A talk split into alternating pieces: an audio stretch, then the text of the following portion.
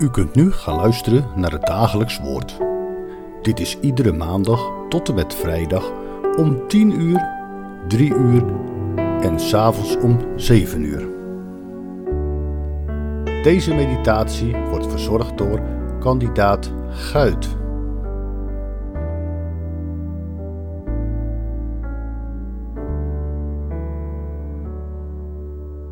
Welkom bij het dagelijks woord van de eerste officiële lentedag van 2023.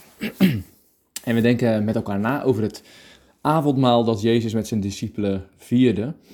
En over het avondmaal zijn natuurlijk hele dikke boeken volgeschreven, maar in de 10 minuten die we vandaag hebben zullen we vooral stilstaan bij het breken van het brood. Maar laten we eerst lezen uit Marcus 14, vers 22 tot 26. En terwijl ze aten, nam Jezus brood en toen hij het gezegend had, brak hij het en hij gaf het hun en zei: Neem, eet, dit is mijn lichaam. En hij nam de drinkbeker en nadat hij gedankt had, gaf hij hun die en zij dronken er alle uit. En hij zei tegen hen: Dit is mijn bloed, het bloed van het Nieuwe Testament, het nieuwe verbond, dat voor velen vergoten wordt. Voorwaar, ik zeg u dat ik niet meer zal drinken van de vrucht van de wijnstok, tot op de dag wanneer ik die nieuw zal drinken in het koninkrijk van God. En toen ze de lofzang gezongen hadden, vertrokken ze naar de olijfberg. Is het u al wel eens opgevallen dat de Heere God vaak hele gewone, bekende, alledaagse dingen gebruikt om zijn evangelie aan ons kenbaar te maken? Vaak zijn het hele gewone ervaringen, gewone natuurverschijnselen, gewone ontmoetingen, Gewone mensen die hij gebruikt om ons zijn bijzonder goede nieuws in herinnering te brengen. Als hij zijn volk wil herinneren aan zijn trouw verbond, dan schildert hij een kleurige boog aan het hemelsplafond. Als hij zijn volk wil overtuigen van zijn vaderlijke zorg, dan laat hij de musjes die voor twee pennetjes verkocht worden, een vrolijke kwetterpreek houden aan uw oor. En zo zien we vandaag, als hij zijn volk wil verzekeren van verzoening en vergeving, dan legt hij hen doodgewoon brood en doodgewone wijn in de mond. God gebruikt het gewone, het alledaagse van zijn schepping.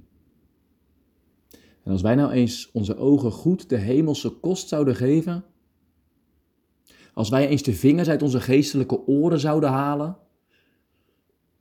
als wij eens niet zo druk waren met wereldse proeverijtjes hier en daar, dan zouden we God misschien wel duizend keer meer ervaren in het hele gewone leven. Weet u dat juist dat gewone mij juist zo aantrekt in onze gereformeerde theologie? Geen spectaculaire erediensten waarbij je van je stoel valt van verbazing. Geen overgeestelijke theologie waarbij achter iedere boom een demon verstopt kan zitten, maar soms is juist alles zo heel gewoon.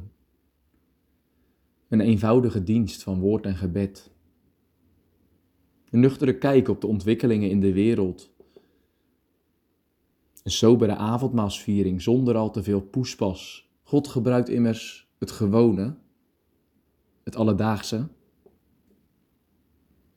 En toch, beste luisteraar, vind ik het anderzijds ook wel eens jammer dat we daar soms misschien te ver in doorslaan uit angst voor poespas en blindheid voor symboliek en huiver voor alles wat ruikt naar de in onze ogen wonderlijke wereld van rooms-katholieke of evangelische, gooien we het kind met het badwater weg. Juist met het avondmaal. Natuurlijk, Jezus gebruikt heel gewoon voedsel, een heel gewone drank als hij met zijn discipelen het avondmaal viert. Maar met dat hij dat doet, komt er een wereld van symboliek mee die ons, als we er oog voor zouden hebben, ons zo ontzettend met onze neus, om het maar zo te zeggen, op de heilsfeiten zou drukken. In de versen die we net gelezen hebben, viert Jezus het avondmaal. En eigenlijk, het is de Pesachmaaltijd die de Joden elk jaar vierden. En die herinnerde aan Gods grote daden in het verleden, toen hij het volk uit Egypte bevrijdde. Is natuurlijk niet voor niets dat Jezus juist aan deze maaltijd uitlegt wat zijn dood en opstanding betekent. Ook Hij leidt ons uit het slavenhuis. Ook Hij zal ons brengen naar het beloofde land. En om dat uit te beelden, breekt Jezus het brood. Vers 22. En in de tijd van Jezus ging dat om een matse. En een goed gebakken matse, dat was altijd ja, doorboord met gaten en vertoonde ook strepen op de oppervlakte. U voelt wel aan waar dat naar verwijst. De wonden en de striemen op het lichaam van Jezus. En tijdens die maaltijd hier met zijn discipelen pakt Jezus dus op een gegeven moment zo'n matse en hij breekt het. Heel gewoon, zegt u. Maar wist u dat hij dat niet zelf heeft bedacht?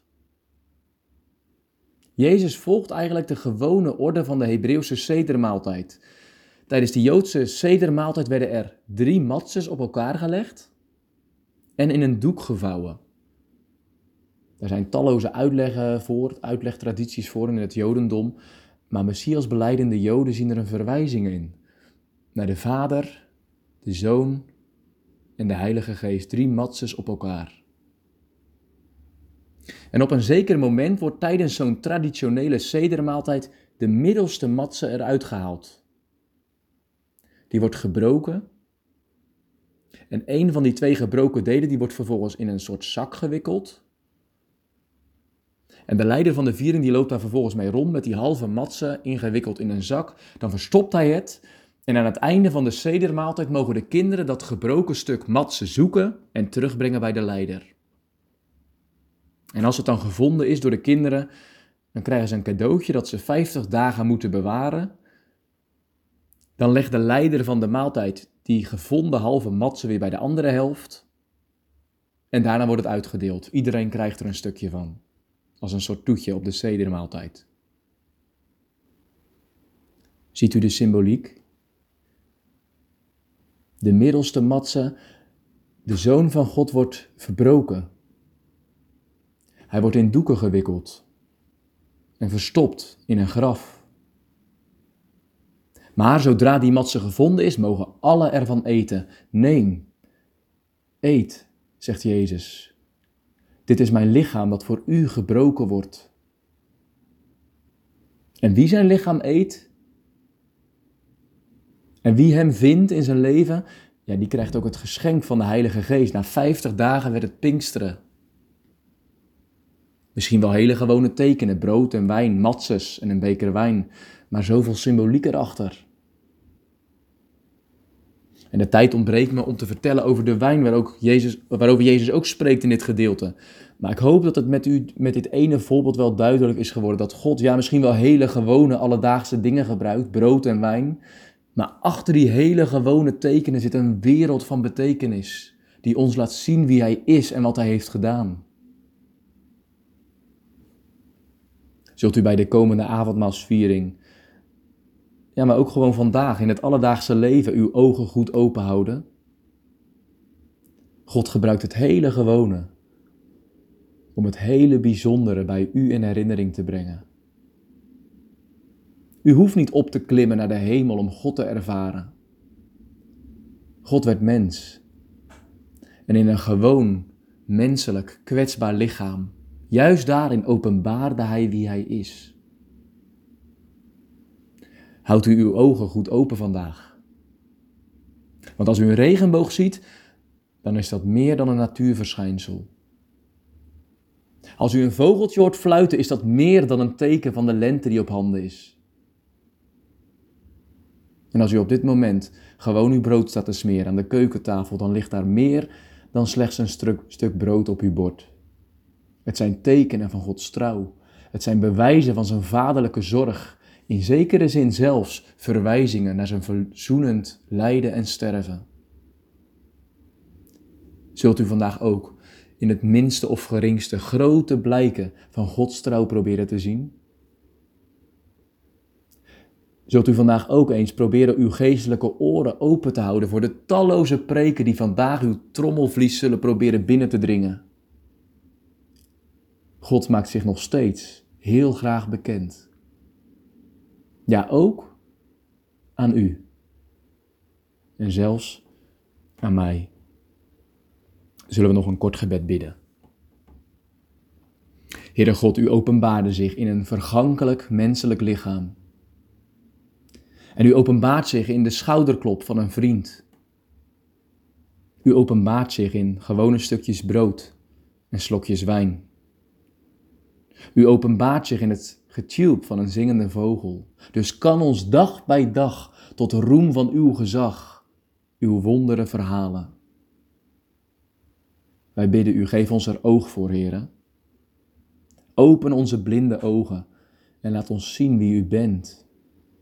Een adembenemend mooie, een koninklijk machtige, maar ook een vaderlijk trouwe God. Zelfs voor ons. Dank u wel. Amen.